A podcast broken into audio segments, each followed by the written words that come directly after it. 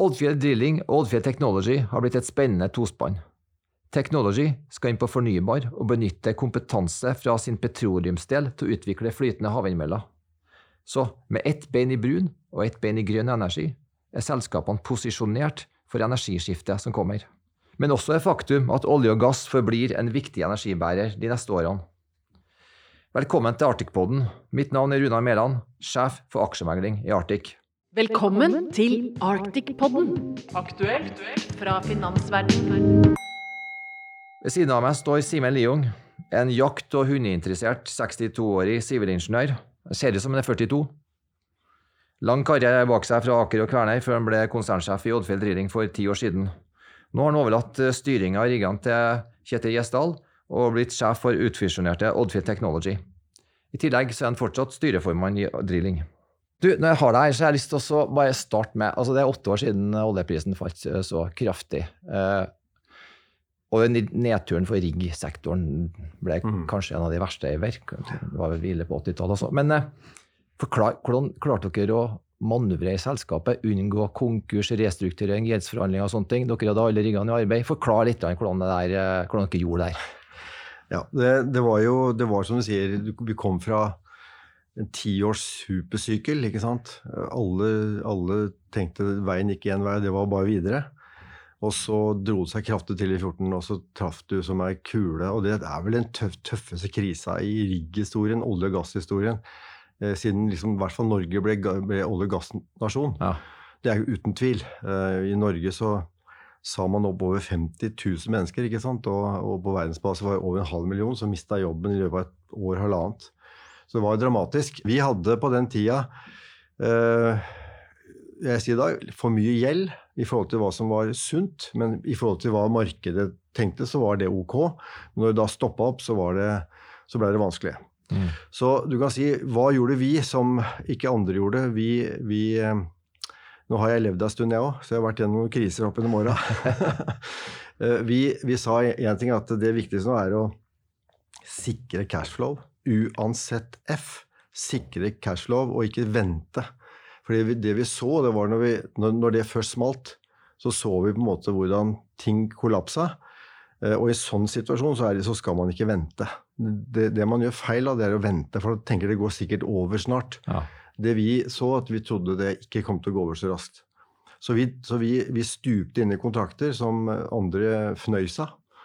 Uh, og, og, fikk et par viktige, med en med Equinor og en med Wintershall. Svært viktige kontrakter. Konkurranse som uten, uten all verden. Ratene halvert i forhold til hva vi hadde rett før. Mer enn halvert. Jeg husker godt en av disse overskriftene som sto om meg, at uh, Liung har panikk. Uh, Ragnarok i Oddfjell og alt sånt. Det var klistra hver eneste dag. Um, og jeg sa vel til en fyr at selvfølgelig har vi panikk, det burde du også hatt, og alle burde hatt det, for det blir bare mye verre. ja. Og det ble det. Så vi sikra jo den, og det, det, førte til at vi med innmari tøff kapitaldisiplin og sikre cashflow vi, vi, vi restrukturerte hele Oddfjell i løpet av det neste halvannet året. Tok ut 60 millioner dollar nesten i overhead. Eh, bygde opp uh, servicesenter i Manila. Sa opp 2300 mennesker, vi også, og, og halverte arbeidsstokkene mer det. Eh, forferdelig periode, men, men, men, det gikk at vi greide å betjene gjelda vår, og betjente det gjennom. Har gjort det siden. Ja. Og det er grunnen til at vi ikke gikk konk. De andre greide jo ikke det. Eh, det er jo stort sett så alle sammen som hadde spekulativt eh, investeringer, de gikk jo chapter 11 én etter den andre. Det har vi sett. Ja. Dere fikk kanskje betalt for også Det er jo en ting som, som kjennetegner Oddfjell, det er jo kvalitet. Kvalitet på utstyr, kvalitet på operasjon. Ja. Det telte kanskje også? Det teller veldig, og du kan si det som var vanskelig i den tida der, det var å, det var å beholde det som vi kaller systemkapital, da, som er et ord for akkurat det du sier. At du har den nødvendige kompetansen. Jeg sa til min, til min eh, operasjonssjef den gangen at eh, nå blir det tøft, og det blir vanskelig, og det kommer til å bli grisete. Eh, du må sørge for at du har alle de rette folka tilgjengelig. Uansett hvor mange vi sier opp, så må du aldri røre de. og identifisere hva må du ha jeg, for å kunne kjøre det løpet der gjennom uværet. Og det, det fikk han. Ja. Og det, da, da, fikk vi på en måte beholdt den kompetansen som, som, har gjort at vi har det stempelet på høy kvalitet og god presisjon. Ja, men du, nå Det må være deilig å se nå. Altså, nå er den optimismen tilbake igjen. OSX-en har gått 50 pluss bare i år. Oddfjell-aksjen har gått det samme. Det, deler den optimismen som aksjemarkedet Ja, jeg gjør det. Jeg gjør det altså. Det er, det er, det er å si, godt å se at det snur igjen. Det har vært en periode med, med Vi som sitter midt inne i dette, her, har jo sett at det, det har ikke vært investert nesten noen ting i oljesektoren. På leiting, på økt produksjon. Det har vært krise, vært pandemi i mellomtida. Og oljeselskapene har ikke brukt noen ting på investeringer, så å si. Og så har oljeproduksjonen holdt seg sånn noenlunde, men nå ser vi at eh, vi visste det kom til å komme en bounceback, fordi etterspørselen etter olje og gass er der den er, og kommer ikke til å bli så mye høyere, men du må vedlikeholde produksjonen for å betjene den et etterspørselen. Ja. Så, så vi, vi, vi så at dette her kom, og når det kom, så, så er det jo bra. Og det som kanskje er tragisk, det er at vi har fått en krig på toppen som gjør at det, det kicker enda hardere. Men det hadde kommet en, en, en skikkelig return uansett. Men du, når du ser litt både, både krigen, så er en ting som slår meg, det er at EU skal bli uavhengig, eller kvitte seg med avhengigheten av russisk olje og gass. Men samtidig så legger de ekstra trykk på det fornybare skiftet. Altså, de skal skaffe annen energi, men den skal være fornybar. Og når du da sitter i et selskap i oljebransjen, enten et INP eller et serviceselskap, hva gjør det med tankene man har om investeringer. Hvis du skal bygge en ny rigg, så skal den liksom være i 25 år. Skal du bygge til et oljefelt, så skal det stå der i 10-15-20 år, kanskje, Ja, avhengig av størrelsen. Hvordan, hvordan, hvordan tenker man da? Ja, du kan si det som, det, det som vi tenker da, i dette her, det er at uh, vi må gjøre begge deler. Altså Du kan ikke si nå skal glem det som er fornybart, og den, den transisjonen der, den kommer til å komme, og den må vi være en del av. Så du kan si En av de fordelene vi har hatt i den perioden som vi har bak oss, er at vi har hatt hele flåten i drift, og vi har omstilt med ny teknologi for å få ned utslipp. Slik at vi har, vi har jo hatt en prosess gående og investert solid med penger i riggene i dag på teknologier som tar utslippene kraftig ned. I forhold til et vårt mål som er nullutslipp under boring. Det er vårt mål. Ja, Men det er i 2050. Ja, det er faktisk kan- Det kan bli før. Ja. Det kan bli før. Og det kan bli betydelig før. Og det kan jeg godt komme tilbake til. Men, men, men det som er greia, det er at, eh, at vi, den bransjen vi er i, det er den som kommer til å føre en del av det skiftet på plass. Eh, For det er ikke, som jeg sier litt på fleip, det er liksom ikke pizzabakeren i går som blir fornybar i morgen. Eh, Han, han er ikke sånn. Det er industrien som kommer til å dra det lasset. Og den innsatsen vi nå gjør f.eks. innenfor havvind, er jo nettopp det. Vi bruker all den kompetansen vi har hatt i 50 år, og trekker den over på det som er industrielt mot det maritime. Mm. Og det, det er det som på en måte blir så, så, sånn at eh, olje og gass kom, kom, kommer til å være en betydelig energikilde i mange mange år ennå, men det kommer til å bli et voldsomt kjør for å få opp det fornybare. Så over tid så vil jo olje- og gassindustrien falle. Den vil jo det. Og det er det de fleste nå ønsker, på, ønsker å si, inklusiv oss selv. fordi at det er jo, Hvis man tar dette klimaproblemet på alvor, så er det på tide å begynne å tenke tøft på hvor, hvor, hvor hardt det må gå til verks. Og det krever masse innsats for å gjøre det, men det kommer til å ta lang tid. Det er liksom ikke sånn at du kan stoppe nå og starte noe annet i morgen. Det er ikke sånn det fungerer, og det er det som kanskje er litt forvirrende i, blant, blant folk. Ja, men for dere nå som spesialiserer på de, egentlig de mest avanserte boreoperasjonene med de, de værharde områdene, harsh environment, um, og da er Norge nede i Nordsjøen, Ja. Canada, Ja. og, ja, som er hovedmarkedene. Ja. Men nå hører vi det at uh, internasjonale markedet, altså dyp, hvor dypvannsrigger blir benytta, også faktisk etterspør uh, rigger som av Oddfjell-karakter. Ja. Hva gjør det hvis man snakker om at det kan gå to rigger ut fra Nordsjøen? Hva, hva vil det gjøre med markedet og for de oljeselskapene som skal jobbe mye fra 24 og 25 og utover når den norske skattepakken og sånne ting begynner å gjøre seg gjeldende? Ja. Hva tenker du da? Nei, altså, det jeg tror er at eh, for det første så har vi de riggene vi bygde på, bestilte i 2005 og 2006 og 2007, de bygde vi for harsh environment, det såkalte tøffe klimaet, og ultradypt. Ja. Så de, de, de semiene som vi har, de går på ned til 3000 meter vanndyp og kan holde på i verste værforholdene i verden. Og det, Den gangen spesifiserte vi det. Det var ikke så veldig mange som ble bygget sånn, men vi gjorde det, og noen få til etterpå. Um, så det at, nå, det at dypvannsmarkedet kommer, det gjør det. Fordi at uh, nå ser oljeselskapene priser. En, en offshore-operasjon er dyr, eh, sånn i, i, i gåseøynene, men Men feltene varer mye lenger. I, i, I, forhold til shale, som mange heiv seg på for noen år siden, så er de, de, de brønnoperasjonene svært korte. Brønn lever, le, lever, kanskje en måned, to eller tre. Mens en, en dypvanns- eller en offshoreoperasjon lever brønnene i mange, mange, mange år. Men Capex-investeringene er mye, mye høyere.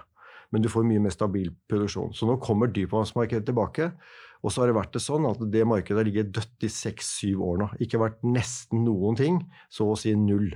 Og det er boreskip. Du bruker stort sett boreskip på dypvann, ultradypt, og så bruker du semier og boreskip på ultradypt, og så bruker du bare semier på hards environment, for du ja. kan ikke bruke boreskip der. Uh, så er det sånn at uh, De boreskipene som ligger, har ligget ved verftene i årevis nå, stekka, i opplag, uh, ligger på Las Palmas, ligger uferdig bygd på verftene. En, en, en kunde, en oljeselskap, ønsker ikke å ta ut et nytt skip som har ligget lenge. Det er liksom det siste de gjør. De tar heller varme rigger, og derfor går de på semiene som vi opererer nå, de er varme. Ja. Og de kan gå rett fra der de ligger i dag, og ut på en operasjon og ha stabilitet. Ikke få stopp på start og stopp på start. Det koster bare skjorta av kost kostnader, og det er grunnen til at eh, oljeselskapene prioriterer nå dypvannsassets som er varm, og det siste de tar ut, er de som ikke er en gang prøvd i markedet. Det er det siste som kommer til å komme. De kommer til å komme, de òg, tror jeg. Men det er det siste som, som skjer. Så nå, nå, nå, etterspør de Vi, vi ser jo på, på, på tenderlista våre, så får vi jo mer og mer spørsmål fra, fra store majors på har vi ledig kapasitet, også semi, på utenfor Afrika, Brasil, Gulf of Mexico og andre mm. plasser. Så vi ser den komme. Så vi håper jo, og jobber nå ganske aktivt for å få noen av disse assetene ut av Norge. Ja. Det, har du for lite rigg nå? Du har fire, dere eier fire, og så opererer ja, det, hjelper, det, det hjelper på, på, på, presset her hjemme òg, vet du. Å vise at du har kapasitet til å gå begge veier. Da pleier ting å gå rette veien, i hvert fall for riggoperatøren. Ja, så rata nå er, Det vi snakker 300 000, det, er liksom, det har vært nivået, eller? Og, altså På dypvannssiden så. så har det vært helt latterlig. Det har vært ja. nede i 100-120 så har, så har Harsen Barmen ligget på sånn eh, I hvert fall vi har operert på 3-350. Og så har mange gått mye lavere enn det. Så det har liksom ligget der og, og, og hatt eh, Og så er det i, i, Norge så er det jo få store kunder. Det er én som er kjempestor. Ja. Så er det en, en, som er stor, men ikke så stor, og så er det mye annet. Slik at den ene store kunden dominerer jo veldig markedet. Du, eh, du er ikke lenger eh, administrerende i, i Oddfjell Drilling, du er styreformann. Ja. Det du har tatt over daglig, det er Oddfjell Technology. Det er riktig. Det må vi snakke litt om her nå. Det er kanskje den delen av selskapet som har vært eh, minst fokus på, tror jeg i hvert fall hos aksjeinvestorene. Um, hvorfor uh, syns du det var så Hvorfor har du tatt det valget? Det, altså, det henger sammen. Det, jeg må få bruke litt tid på historien. For den, den er, vi, vi børsnoterte Oddfjell i 2013. Oddfjell Drilling. Og da diskuterte vi om vi skulle dele, gå i rigg og det øvrige, som vi sa, som, som er servicesida mye mer. Og så ble vi basert på masse rådgivning, og den gangen, 13, så var det voldsomt kjør. Og da ble, ble vi gitt råd om å gå, gå, integrert, såkalt integrert, og det gjorde vi. Så kom jo det helvete jeg akkurat var beskrev, og da var det faktisk veldig greit å være integrert, for da hadde vi muligheten til å restrukturere alt under samme paraplyen. Du måtte ikke gå til to forskjellige limited eller AS-er. Vi kunne gjøre alt under ett. Så den tiden så brukte vi jo de to-tre neste årene på å ta ned og effektivisere og justere hele operasjonen og alt det jeg nevnte i stad. Så, så, så vi det at når vi er ute på å markedsføre butikken, og vi har gjort nå i, i de senere årene, så er det ingen som setter noe fokus på the so-called other business. Når vi sitter hos investorene og går på roadshow og skal snakke om butikken, så er det veldig fokus på mod, på, på, på rigg. Det er lett å analysere, veldig oversiktlig. Og så er det den der vanskelige delen som er i dag OTL, Oddfield Technology. Og det som skjedde veldig ofte, var at de investorene så liksom på den delen, orka ikke å begynne å bry seg om det, putte på en multiple, så på en litt sånn, og bare la en multiple og lot det ligge som en opsjon. Neste gang du kom til samme investor, så hadde han glemt alt sammen. Så må du fortelle alt om igjen ikke sant, hva det var. Så vi så det at vi, vi fikk aldri fram verdiene. Og så har vi, så har vi hatt en ambisjon om å øke flåten. Uh, og så har det å bruke cash og kapital på å kjøpe rigger det har ikke vært rom for det, er ikke rom for det i dag. Veldig vanskelig også å bruke aksjen, for aksjen var på en måte for de som ønska rigg, så var den andre delen litt sånn forurensning. Og de som ønsket å bli med oss på servicesida, likte ikke det tunge asset-playet på, på, på, rigg. Så vi traff aldri markedet riktig. Mm. Verken den ene eller andre. Asset light, asset heavy. Så det vi gjorde nå, det var å bestemme oss for et par år siden å gjøre det. Og så har vi hatt veldig mye kladdeføre i, i markedet på bankfinansiering. Bankene har slutta å fly etter service ikke sant? og oljeservice. Det har vært krevende å få til annen type finansiering enn bank. Vi bare, hadde bare banklån helt opp til, opp til, nylig. Og mange av disse bankene har uttalt de vil ut av bransjen og ikke finansiere oljeservice lenger. Eh, og Det betyr at vi har vært nødt til å jobbe ned gjelda vår. Og når vi kom dit i fjor, så bestemte vi oss nå kjører vi se, uansett, nå kjører vi den splitten, for nå ligger, nå så vi markedet kunne komme tilbake. Vi fikk mer tilgang på rigger. Og vi, har begynt å rendyrke, og det er det vi har gjort nå. Ja. Vi har tatt ut og fått fram den delen som, som også knytter seg mot det som går mot fornybart. Og så vil vi beholde selvfølgelig fokus på olje, oljeservice også. Men, men, nå er riggen et rent riggselskap, og vi skal utvikle den delen som heter technology, til en retning som vi skal finne ut av etter hvert. Ja, og I går så rapporterte dere for første gang som ja. separat selskap. Kursen gikk opp nesten 17% så en fin, fin start. Ja. Dere hadde et salg på ca. 836 millioner, og det var opp fra 670 i fjor. Ja. Uh, EBIT-en 118, den var 82 i fjor. Ja. Og EBIT-en 55 var 17 i fjor. Kan, kan, vi, kan, vi, gange det her med fire eller for å få årsresultatet, eller hvordan uh, For i så fall, markedcapen er litt over en uh, eh, 115 millioner dollar etter oppgangen i går. Ja. Og, altså, jeg, jeg, var på guide. Men, men eh, når, når, vi har nå presentert Oddfjord Technology i markedet, både gjennom å hente en obligasjon på 125 millioner dollar, 1,1 milliarder norske, Eh, og vi har vært ute og, og, presentert dette til investorene.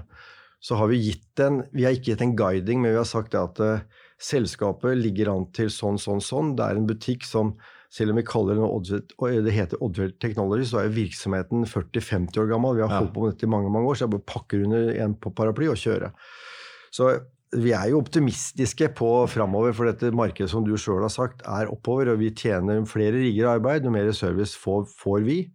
Så, så, jeg vil ikke guide dem på noe, men, men jeg, jeg, er optimistisk på framover. For jeg tror ikke det stuper brått over natta nå. Skal vi bare ta, For de som ikke kjenner så godt, da, så det, det er Well Services. Eh, det leier dere ut utstyr til over hele verden, egentlig. Ja. Eh, og Drilling Operations. Her gjennomfører dere boring på faste ja. installasjoner i Nordsjøen. Ja, Og så har vi engineering. Altså engineering, ja. Stor, stor ja. På, på det er liksom legacy-businessen. Ja, Skal vi komme inn på det andre. Og, og det, det, det, er kanskje at det kan ikke være en plattform i verden som ikke prøver å få opp maks olje og gass. Det må være en ekstrem aktivitet ut der. Sånn, det må være en sammenheng mellom det som skjer der, og det, så, deres virksomhet. da, ikke sånn? Ja, i høyeste grad. Og, og det, dette som heter plattformboring, som vi kaller boreoperasjoner nå, for det er litt mer enn det, det er jo, jo boreanlegg på en produksjonsplattform for nettopp å øke produksjonen. Sånn som en borerigg som vi hadde, har i OD i drilling, den, den, borer. Og gjør ikke annet enn å bore, teste, finne, finne eller ikke finne, og plugge og gjøre klart for, for produksjon. Mens boreanlegget på en plattform, fast, den borer for å øke produksjonen. Og så lenge det er, og det er cashflow hos kunden. Så boring er litt utgift, men cashflowen er i produksjonen. Så, så, det er jo lange, stabile kontrakter. Et, et, en, en, en, produksjonsplattform står ute der i 30-40 år, og boreanleggene de borer jo der i 30-40 år for å vedlikeholde produksjonen. Og Det betyr at den, den, virksomheten er veldig annerledes enn å drive leting og produksjonsboring på, på, på, fra en rigg i forhold til en, eh, en plattform. Lange kontrakter, veldig sta, sta, stabile. Ikke så høye marginer på ak akkurat borekontraktene, men marginene innenfor det vi gjør i tillegg, er bra. Ja. Og ikke så veldig mange konkurrenter heller. Nei, er, også, altså, vi er ikke store på plattformboring. I Europa vi, har vi 20% av markedet, ca. Men internasjonalt så er jo noen mye mye større. Sånn som ja. KCA, Deutag og Archer er jo mye større ute. Ja. Og så er det flere aktører også. Men du, eh, det som da vi har egentlig hørt minst om, men som kanskje er veldig Ocean Wind. Oddfjell Ocean Wind. Ja. Fortell litt om det. Ja, det er et nytt kapittel. Ja. og der har du på en måte, da er du inne på dette med hvorfor begynner Oddfjell, som er en, en olje- og gassboring eh, i miljøsammenheng sett, sett, på nesten som versting. ikke sant, og, og, sånn, og hvorfor begynner vi med havvind? Og det er, Grunnen er jo at eh, nå snakker vi om, om havvind innenfor hard, eh, værharde strøk. ikke sant? Og det er det ingen som har løst i dag. Flytende havvind på værharde strøk er ikke løst. Um, vi holdt på med dette for, vi startet for to og et halvt år siden med en idé hvor vi, hvor vi eh, kom i kontakt med en, noen gründere som har holdt på i 20 år med dette her, eh, og aldri lykkes ordentlig. Eh, var på jakt etter en industriell maskin som kunne bringe dette til markedet. Og vi vant i en kon kon konkurranse hvor de ønsket å selge seg ned og invitere oss inn. Eller de inn, det var et par andre som også ville inn. Og vi vant den, for vi hadde den mest troverdige industrielle historien. Og grunnen til at vi er interessert i det, for dette går jo på, går på, på vindmøller, hvor du har standard turbin, og blader det er, liksom, det er, det samme. Men det er jo flyt, selve semiflyteren som er nøkkelen. Å få den produsert og billig og laget et produkt av det. da. Ja, Så da skal, den, da skal det stå en vindmølle i nærheten av en rigg? Det, du, du, kan si Ideen nå i første omgang, det, det som er si, time to market, er jo at, at, i Norge så snakker man om å elektrifisere sokkelen. ikke sant? Med da har vært mye kabel fra land, strøm fra land, og så har du selv sett strømpriser og alt går jo én vei.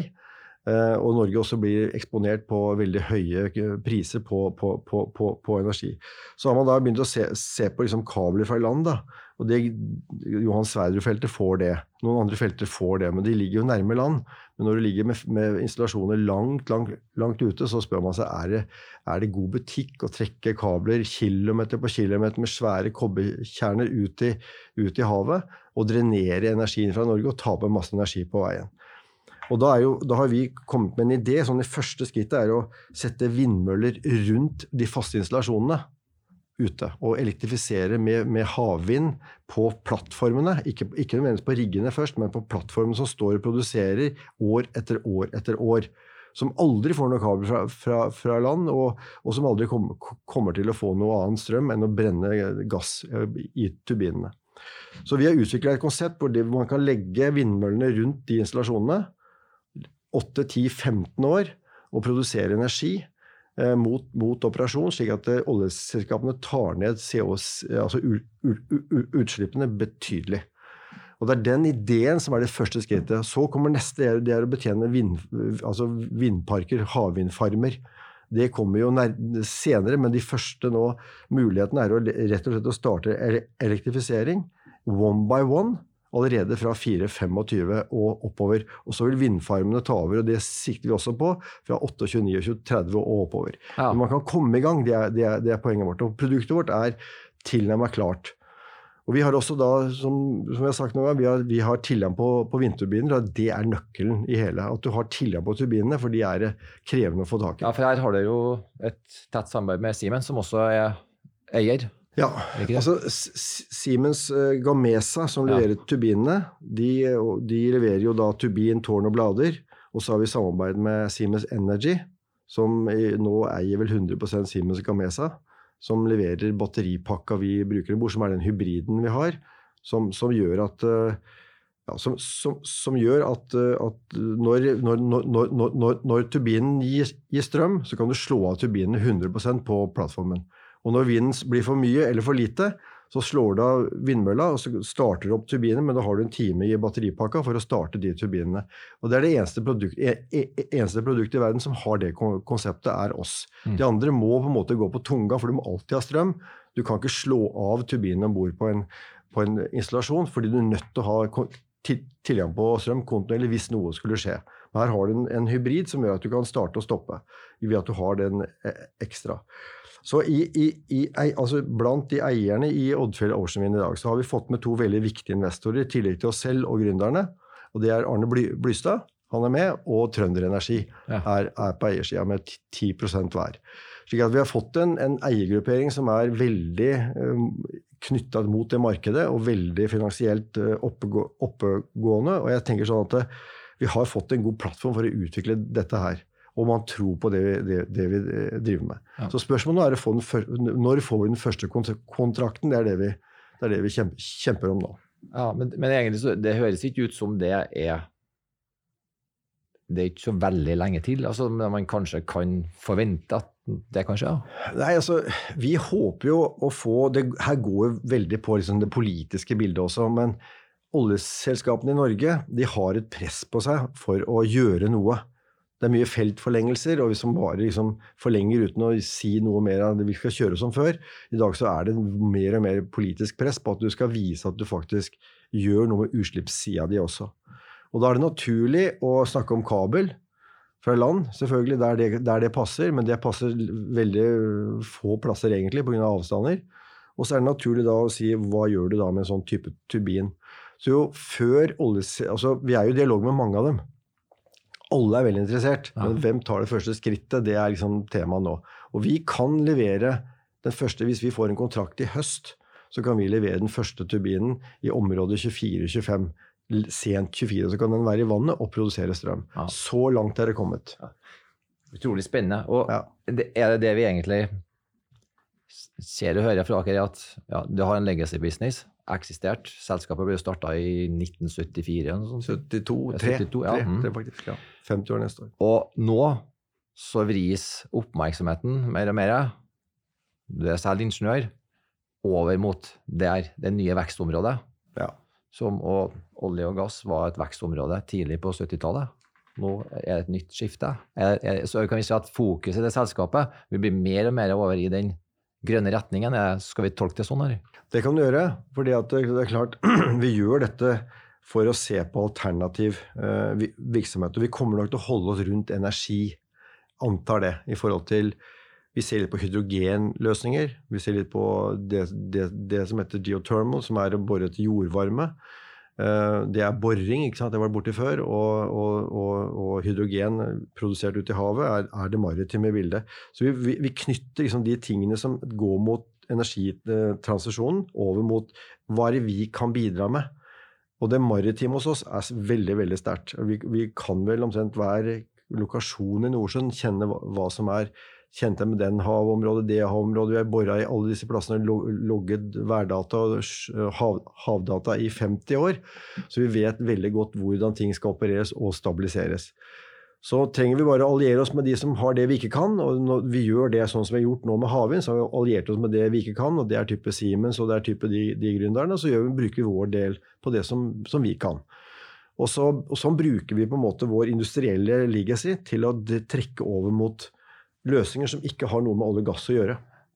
Hva med, hva med det, vi ser at det begynner å vokse frem en, eh, en sektor med vindservice på Oslo Børs. Vi har ja. IVS, du har Redda, Kadler, Fred Olsen har vært der. Og, eh, hva med det?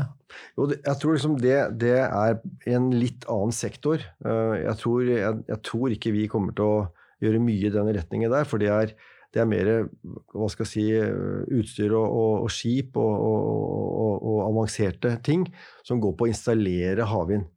Gjerne da bunnfast. Vi, vi leverer flytende havvind. Og vi, vi, leverer vår egen forankring, og vi leverer, leverer vår egen kabel, løsning. Og det gjør vi gjennom når vi, når vi, flytter rigger, så bruker vi båter til å flytte de og installere de og ankerhåndtere de. Og det samme konseptet bruker vi når vi nå skal installere havvind. Så vi er, ikke, vi er ikke innenfor dette bunnfaste hvor man må løfte på plass turbinene offshore, få løfte på plass understellet som står på bunn. Det er det, det segmentet du er inne på. Der er ikke vi. Vi er på det som er flyt. Du, til, til, slutt, eh, Vi vet at vi har en del studenter som, eh, som hører på denne podkasten.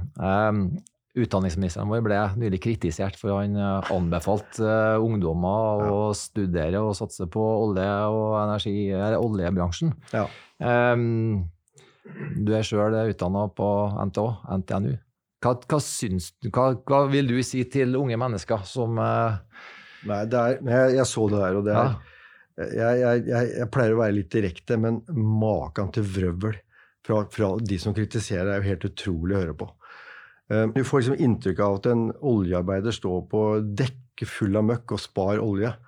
Altså dette er jo superavansert teknologi vi, vi, bruker og bransjen har. Det er kanskje den mest avanserte bransjen i verden når det gjelder da digitalisering, eh, utstyr, automatisering, eh, robotisering. Det er helt vanvittig, og vi mangler jo kompetanse på dette. Og, og, når jeg hører sånn at liksom, Jeg hørte en, en, som på radioen etter det kritikken han, Ola Borten Moe fikk, ja. at han syns, syns synd på de stakkars menneskene som blir lurt inn i oljeindustrien. Altså Det er helt hårreisende å høre på. Han vet jo ingenting om hva, hva, vi driver med. Og jeg har selv barn som har tatt utdanning, ikke sant? og jeg sier jo det at de har jo sett litt av det vi driver med, og det er klart det er utrolig spennende. Og når vi bruker mye av den teknologien vi lærer i olje og gass, bruker vi nå på fornybart. Det er den transisjonen når vi tar studenter inn hos oss. Vi har mange av de, og vi, vi lærer de opp til det de må kunne. Så viser vi hvordan vi trekker dette over mot det for, fornybare.